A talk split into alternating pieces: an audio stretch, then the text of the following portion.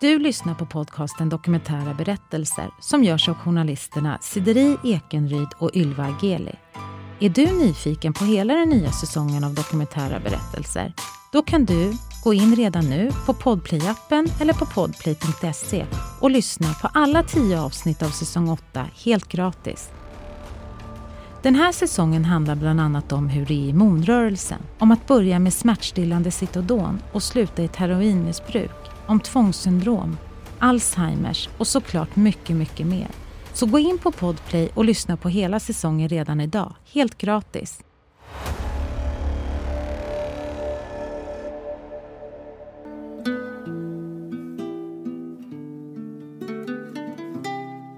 Vi ser ett klipp på Youtube från den 27 april 2022.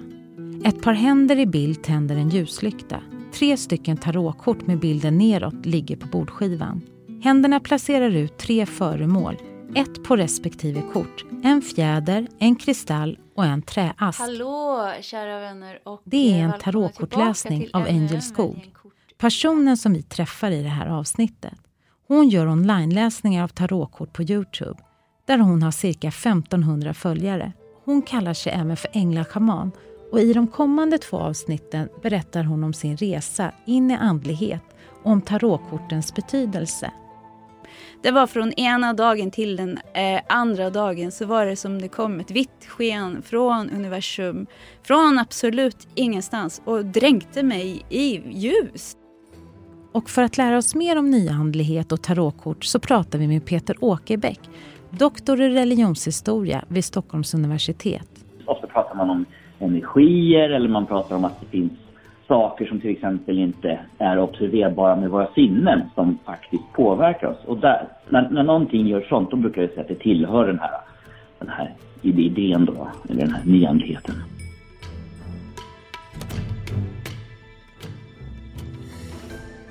Mina föräldrar kommer från början från Irak. De kom hit på början av 80-talet. Min mamma var redan gravid med mig så jag är född här i Sverige. Angel växer upp i en lägenhet i Linköping. Hon är nummer två av en syskonskara om fyra. Hennes pappa är skomakare och hennes mamma är sömmerska. Och alltså barndom och barndom, det finns ju alltid ljusglimtar. På den tiden så fanns det ju liksom inte iPods och datorer, det fanns ju inte ens mobiltelefoner liksom. Som barn spenderar hon dagarna ute på gården där hon leker med andra barn från grannskapet. Eh, och det var väl ljusglimten skulle jag säga. Eh, men annars så kom jag ju från en extremt destruktiv, eh, traumatisk barndom. Jag är uppvuxen med narcissism, jag är uppvuxen med alkoholism och sexuella övergrepp. Och det var ju extremt utmanande och jag var, har också alltid varit väldigt, väldigt, väldigt öppen, väldigt känslig som själ. Så i kontrast till den hårda uppväxten som jag fick så blev ju det här väldigt, väldigt jobbigt för mig. De sexuella övergreppen hon utsätts för börjar när hon är i tioårsåldern av en närstående som bor hemma hos henne och hennes familj under en period. Det var nog det som var det här som fick bägaren att rinna över för mig. För det, jag hade ingen att kommunicera med, det fanns liksom ingen som kunde möta mig emotionellt. Så jag blev extremt ensam och det var en enorm börda att bära. Och, och jag tror det var då det verkligen blev så här att okej, okay, då började jag verkligen bli mm, då började det verkligen bli mörkt inom mig. Uh, och det här ledde ju till en spiral. Hon får en allt sämre självkänsla och självförtroende till följd av det hon utsätts för under barndomen. Hon får panikattacker och ångest. För jag plockar ju upp känslor från allt och alla. Jag blev ju den som bar. Jag blev ju papperskorgen i familjen, det svarta fåret. Precis som många andra högsensitiva individer blir i sådana här dysfunktionella familjemiljöer. De blir papperskorgen för de suger in eh, energierna från alla så att de inte behöver bära det. Och det här sker liksom Alltså det sker per automatik nästan just för att man är så känslig. Så ens aura suger in allt det här.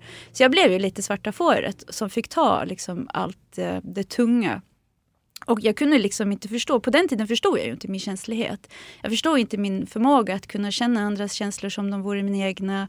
Kunna uppleva andras tankar som de vore mina egna. Så jag trodde ju alltid det var mig det var fel på.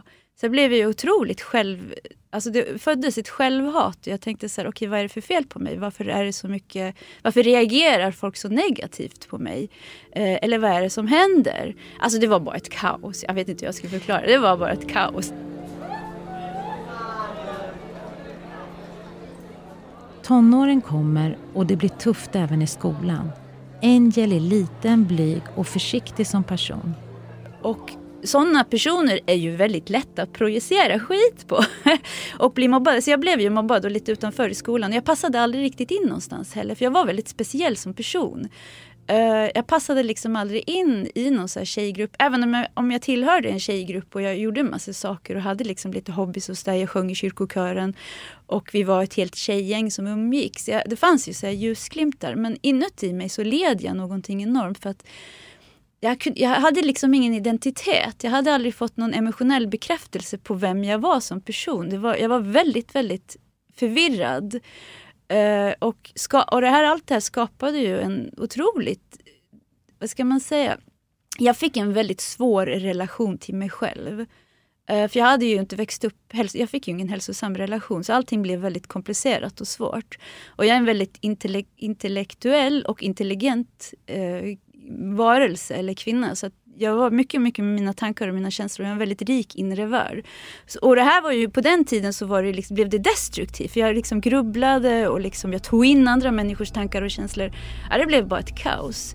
Eh, så mycket panikattacker, mycket panikångest och, eh, och det här blev ju liksom, och du vet när jag började i högstadiet eller när man blev tonåring jag menar att vara tonåring är jobbigt redan som det är. Alltså för en normal tonåring som växer upp i en stabil familj så är det redan jobbigt. Men för en person som kommer från en dysfunktionell familj och som har upplevt mycket trauma så blir det ju extremt jobbigt liksom. Uh, så det blev bara mer ångest, mer dålig självförtroende, mer dåligt, dålig självkänsla och jag hade jättesvårt att knyta an till andra människor, jag hade svårt att skapa hälsosamma relationer. Jag drogs till människor som hade trauman och grejer och jag menar människor som har trauman som möter människor som har trauman, det blir bara konflikt och röra av alltihopa liksom, vilket är jättevanligt att man gör.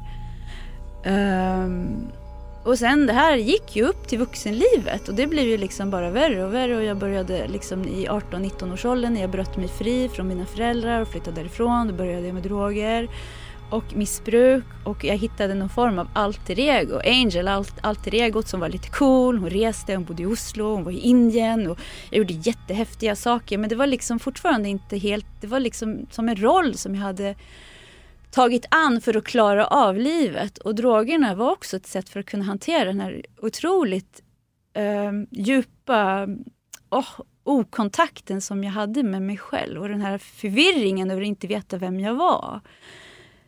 Uh, så destruktivt, alltså destruktivt liv. Det verkligen var destruktiva förhållanden. Jag hade eh, pojkvänner som var narcissister och det var liksom medberoende dynamik med alkoholism och ja, du vet, så allt det där. Uh, och det här pågick länge. Alltså jag hade liksom ett hemskt liv länge med ljusglimtar såklart. Jag menar jag har alltid haft ett så här, det har alltid funnits sitt inre ljus om mig. Det har alltid funnits så här hopp, det har alltid funnits någon form av tillit. Det har alltid funnits någon så här vad är meningen med livet? Jag har alltid varit en sökare på något sätt. Så här, även om livet har varit jobbigt. Så på något sätt så har jag alltid lyft upp mig och försökt men alltid misslyckats. För att de här enorma känslorna det här enorma traumorna som har funnits i mig har alltid liksom tagit över för det var aldrig läkt. Det var så stor del av mig. Så att det hela tiden tog över. Även när jag lyfte upp mig och bara, men jag försöker liksom, så tog det alltid över. Det är när hon är 36 år gammal som hon når den absoluta botten i sitt liv. Uh, jag hade lämnat ett narcissistförhållande som varade i tre år och slängt mig direkt in i ett nytt förhållande. Jag, jag klarade inte av att vara ensam. Jag behövde ha någon där som typ kunde fylla något slags paniktomrum i mig. Så jag grabbade ju tag liksom i att vilja ha någon. Eh, och då slängde jag mig in i ett nästa förhållande också med en man som hade alkoholproblem och det blev den här miss med, vad ska man säga, medberoende dynamiken och jag hade också utvecklat komplex PTSD som var väldigt, väldigt allvarlig. Eh, jag fick sådana kraftiga attacker att jag slog mig själv och kastade mig själv i väggar och golv. Jag vet jag bröt min arm och bröt min hand och liksom, eh, jag kunde inte kontrollera, det hade tagit över. Ångesten och allt det här hade tagit över. Eh, och i det någonstans så var det det här äh, sista, lämna den här sista partnern. Och eh, jag var så hårt medicinerad på den tiden. Jag hade fått antipsykosmedicin för att ingenting hjälpte. Jag var liksom totalt avstängd. Jag hade ett enormt självhat. Det fanns inget i mig som jag tyckte om längre. Och eh, min självkänsla var liksom på botten, mitt självförtroende var på botten. Jag tror inte jag eh, log på två år. Jag var som ett skal, jag var liksom död. Liksom. Jag hade verkligen nått, nått, nått botten. Men det är också nu hennes andliga uppvakning inträffar. Och det här är som på film. Alltså det, det, går inte att beskriva på ett bättre sätt. Det var verkligen som på film. Det var från ena dagen till den eh, andra dagen så var det som det kom ett vitt sken från universum. Från absolut ingenstans och dränkte mig i ljus. Alltså jag minns det så väl. Det var verkligen som att slå på en knapp Alltså från ena dagen till den andra så kom det ett vitt starkt ljus och det liksom rann över hela mig. Det kom in i kronchakrat, genom alla chakran, i hela auran. På den tiden visste jag inte ens vad allt det här betydde. Jag visste inte vad ett chakra var, jag visste ingenting. Jag hade ju mediterat och så i Indien och ehm, jag var öppen liksom. Jag hade inte koll överhuvudtaget. Men det var så här bara wow, vitt ljus. Och det var liksom som att jag, hela jag, var i ett hårt, hårt, tjockt, tätt skal och det här skalet krackelerade. Alltså det var den känslan. Det krackelerade och det bara rann av mig. Och den här svarta, geggiga sörjan av ångest, av övergrepp, av narcissism, av alkoholism. Allt det här geggiga, tunga som var i mig som blockerade. Det bara rann, det bara rann av mig. Och det var så här som att eh, och jag blir rörd när jag pratar om det för att jag, det var så starkt. och det var ju vändpunkten liksom för allt. Och det var liksom som att jag för första gången i mitt liv kunde andas. Det var så här, ah! Som att jag hade varit under vattenytan, långt nere i geggan och sen nu så bar änglarna upp mig till vattenytan och solen sken på mitt ansikte och jag kunde andas för första gången. New Age är ju ett, ett slags samlingsbeteckning för för ganska många olika saker. Vi hör Peter Åkerbäck, doktor i religionshistoria vid Stockholms universitet. Vi lämnar Angels berättelse för en stund och ber Peter berätta mer om just begreppet new age. Varför man har använt begreppet new age, nu tror jag att fler och fler har börjat lämna det. Man pratar istället om nyandlighet eller, eller populär religiositet och sådana här saker. Men varför det kallades new age var för att en av de stora ganska dominerande föreställningarna inom nyandligheten var just tron på en ny tidsålder. Eh, och den, den, här föreställningen blev så att säga någonting som lite grann förenade väldigt många människor. Och, och många olika sätt så, så fanns den här. Och så då tänkte man den begreppet fick liksom, ja, new age fick stå för, för den, att den här, den föreställningen. Eh, men sen har det visat sig att den här föreställningen med tanken på en ny tidsålder, den har liksom lite grann ja, mattats av. Men den är inte lika stark längre som den var för, för, för, för i tiden. Eh, och så kan man säga så ingen, ingen vill egentligen kalla sig själv för new age. Eller säger man att någon är new age så ligger det lite grann sådär lite fördom i att, att någon är lite flummig eller så. så att säga. Men, men för, för att sammanfatta så kan man säga att nyandlighet som vi pratar om idag, eller det som brukar beskrivas som new age, är en mängd olika tekniker och tankar som har det gemensamt att de alla gör någon typ av överempiriska eh, antaganden. Det vill att det finns någonting som vi inte kan se. Det finns, ofta pratar man om energier eller man pratar om att det finns saker som till exempel inte är observerbara med våra sinnen som faktiskt påverkar oss. Och där, när, när någonting gör sånt, då brukar vi säga att det tillhör den här, den här idén då, eller den här nyandligheten. Han beskriver det som att man inom det nyandliga brukar anse att ju längre bak i tiden man kan förankra något av det man praktiserar, desto bättre är det. Oftast brukar man, en del referera tillbaka till egyptisk mytologi, andra till eh, Atlantis eller till och med pre-Atlantis. Så att, att, man, att man säger att det fanns visdom att hämta i gamla traditioner, det är väldigt viktigt för, för, eh, för den här föreställningen. Att det fanns, finns saker som på något sätt har gått förlorat. Och i det finns ju också en delvis liksom, en viss kritik mot det moderna samhället och det teknologiska så att säga samhället. Att, att vi, har, vi har varit klokare men så har vi förlorat någonting på vägen. De, de brukar oftast hävda det att det finns visdomar som vi på något sätt har glömt bort. Att vi hade liksom, ja, Atlantis är ett mytologiskt en mytologisk värld så att säga. Som, som, men som vissa antar att det har funnits och där var man väldigt klok och sen så, eller även i Egypten så kunde man saker, man gömde så att säga, dolde massa kunskaper i, i till exempel skrift och, och, och det man har lämnat efter sig som man sen då vill lyfta fram att jag har tillgång till det här eller det finns en, en koppling till det. Och det var liksom så här, det var så surrealistiskt.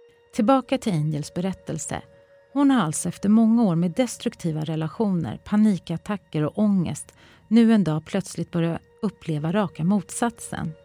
För jag hade så känslor av bliss, jag hade känslor av överväldigande kärlek och omfamning. Jag kände, jag kände liksom Gud, skaparen, omfamna mig. Jag kände änglarna omfamna. Jag kände, jag kände sån enorm kärlek och inre frid och att jag hade liksom kommit hem.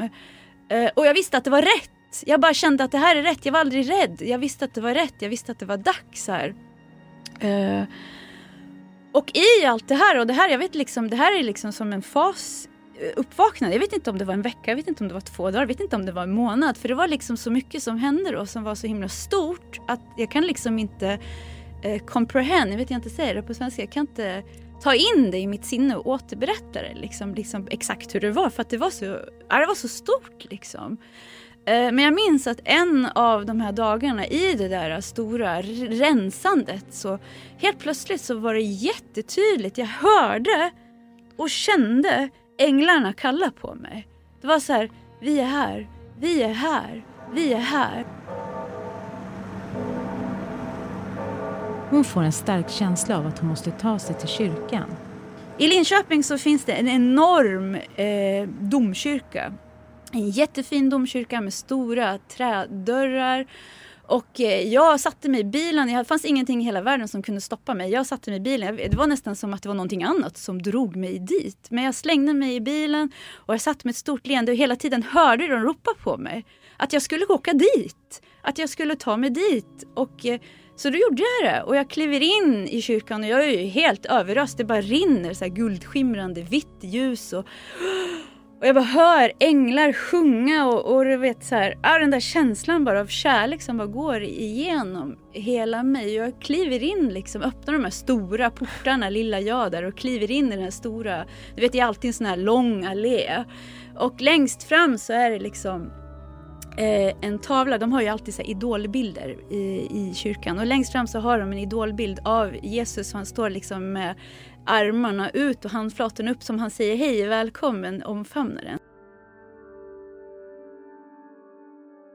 Det här är inte hennes första kontakt med Jesus utan hon upplever att hon har mött honom en gång tidigare i sitt liv under en djup meditation på en tio dagars tyst retreat i Indien. Och jag åkte dit och det är så tio timmars tyst meditation om dagen. En väldigt seriös kurs och det är väldigt seriös meditation och det jobbar väldigt på djupet.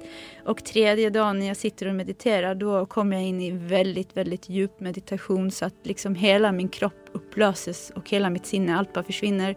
Och jag blir eh, jag bara försvinner bort liksom i, i, och blir upplöst i allt och inget. Det är sådana upplevelser som inte ens går att förklara. Men i det där tillståndet av totalt upplösning så kommer det fram en guld, en figur i en ljusvarelse i skimrande guld. Alltså Jesus kommer fram till mig och han tittar på mig och han sträcker ut handflatan eh, emot mig och ur handen så skimrar det ut guldhealing så han dränker mig i guldljus. Så det var min första kontakt som jag fick med Jesus.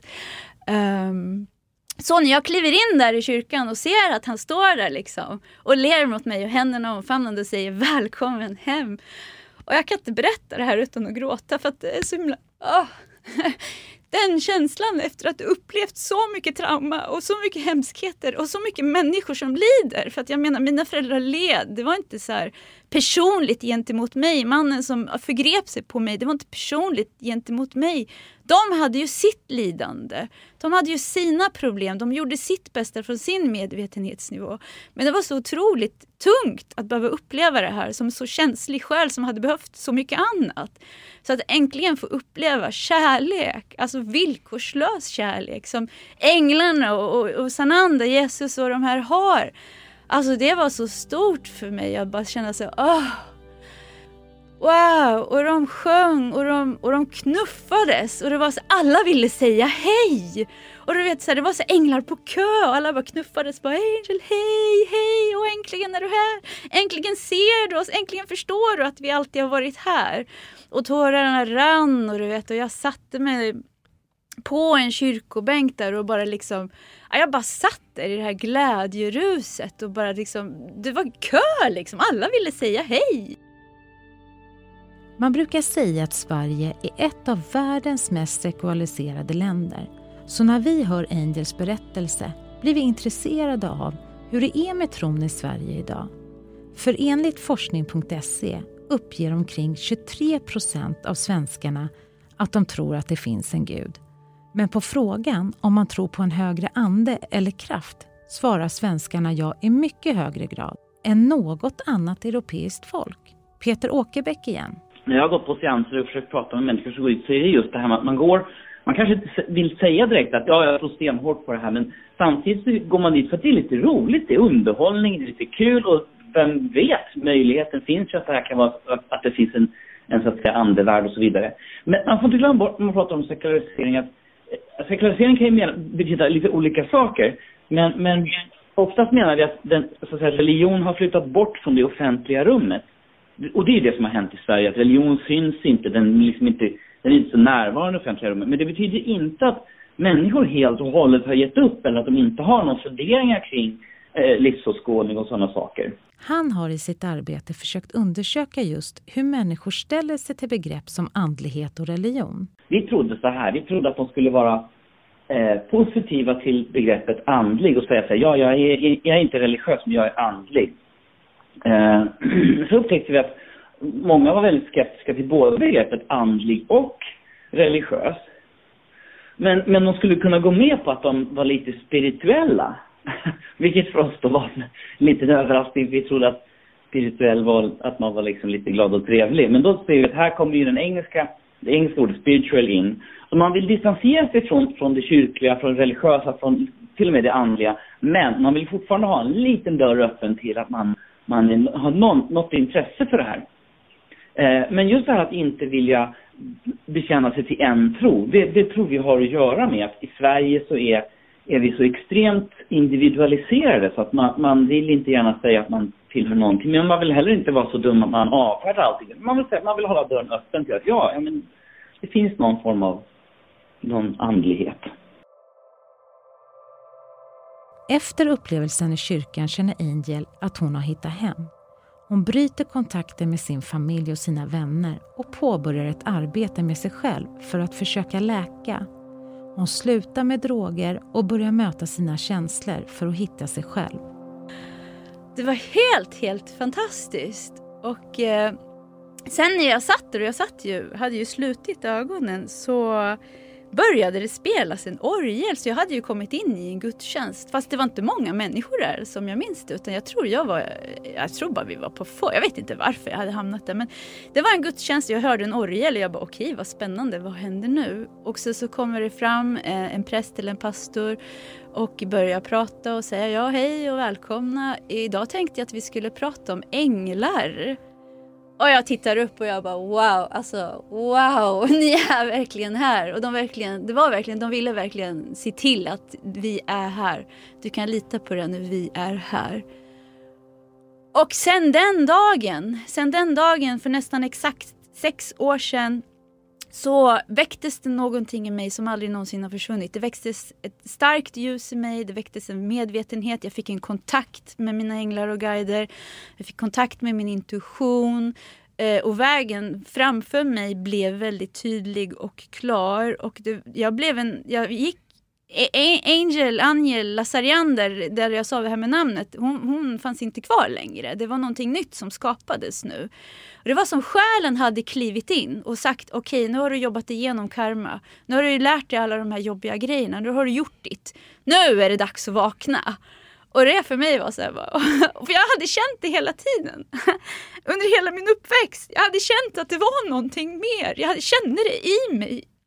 Jag vet att när jag var liten när det var som jobbigast, eller jämt, jag satt jämt uppe på nätterna och tittade upp på månen och pratade med någonting högre. Och jag frågade hela tiden varför finns det så mycket lidande? Varför finns det så mycket lidande? Liksom, hjälp mig, vad ska jag göra? Och jag bad också ofta att ta lidande från mina familjemedlemmar. Så jag gjorde ju väldigt mycket. Jag, tog ju mycket, jag blev ju papperskorgen lite med flit för jag hade så svårt att se andra människor lida. Uh, och det gjorde ju att det blev ännu värre för mig. Men det fanns det fanns ju ett syfte med det också. Det har ju gett mig enorma lärdomar. Det har varit hårt, hårt, stenhårt arbete. Uh, med, med meditation. Jag jobbar väldigt mycket med vipassana meditation, buddhistisk tradition av att meditera där man uh, observerar sin andning och tar sig till nuet. Och lär sig att, trans, att, att uh, inte identifiera sig med sina tankar och rena sinnet från negativa tankar. Och också allting som vi någonsin har upplevt och allting som vi någonsin har reagerat på skapar energi som sitter i vår fysiska kropp. Så all, all, all tung energi sitter liksom fysiskt i kroppen. För att, för att bli av med det så måste man transformera det. Man måste möta det, man måste känna det utan att reagera. Och ju mer man känner det utan att reagera, för det vanliga sättet att göra det på är att reagera. Och ju mer man reagerar desto mer energi blir det. Så för mig som hade reagerat i 36 år, alltså jag var ju, hela jag var ju liksom en stor blockering av tung energi. Så jag hade verkligen arbete för mig. Och i början var det ju så här att jag satt och mediterade och sen låg jag på golvet och skrek för att jag hade en så stark ångest, alltså panikångest. Och sen så tog jag mig tillbaka liksom. Eh, och, och successivt så så började ju liksom den här smärtkroppen, som, som det kallas för, eh, bli mindre. Alltså smärtan i mig började liksom bli mindre och mindre. Men, men det, är nu, det är nu, sex år senare, som jag verkligen börjar uppleva sig extremt välmående. Så det har varit hårt, hårt, hårt arbete. Ja, men karma är att, att alla handlingar ger ett, så att säga, har en, en effekt. En, en, den påverkar. Så att om du gör en ond handling så kommer du få ont tillbaka. Det är liksom man får tillbaka det man gör. Så att om du har då gjort saker i ett tidigare liv som inte var bra så kommer det alltid hänga kvar vid dig. Du blir aldrig av med det. Därför är det viktigt att alltid göra rätt så att säga. Hej käraste vänner! Det här är ytterligare ett klipp från Youtube från den 22 november 2021 där Angel gör en tarotkortläsning. För i och med hennes uppvaknande känner hon en kontakt med andra dimensioner och vill hjälpa andra och fungera som en guide. Och eh, fyra stycken separata... Eh, så att använda eh, lekarna blir ju som ett verktyg till att kunna ta sig liksom från det man ser här i den här verkligheten till att connecta med det som man får till sig från andra dimensioner. I nästa avsnitt djupdyker vi i tarotkortens historia och hur de används idag. De användes ju från början som spelkort. Eh, och det är först på 1700-talet någon gång så, som man börjar eh, kunna använda dem för att läsa i. Och så kan vi inte låta bli att ställa Angel den här frågan. Du vet att jag gör den här podden med Ylva? Ja. ja hon kommer klippa det här. Ja. ja och så bara tänkte vi så här, ja men har hon och jag levt ett tidigare liv ihop? Och som alltid, glöm inte att alla avsnitt av säsong 8 finns ute redan nu, helt gratis på Podplay. Och vill du komma i kontakt med oss som producerar den här podden och dela med dig av din livshistoria, mejla då oss på kunskapsstudion gmail.com.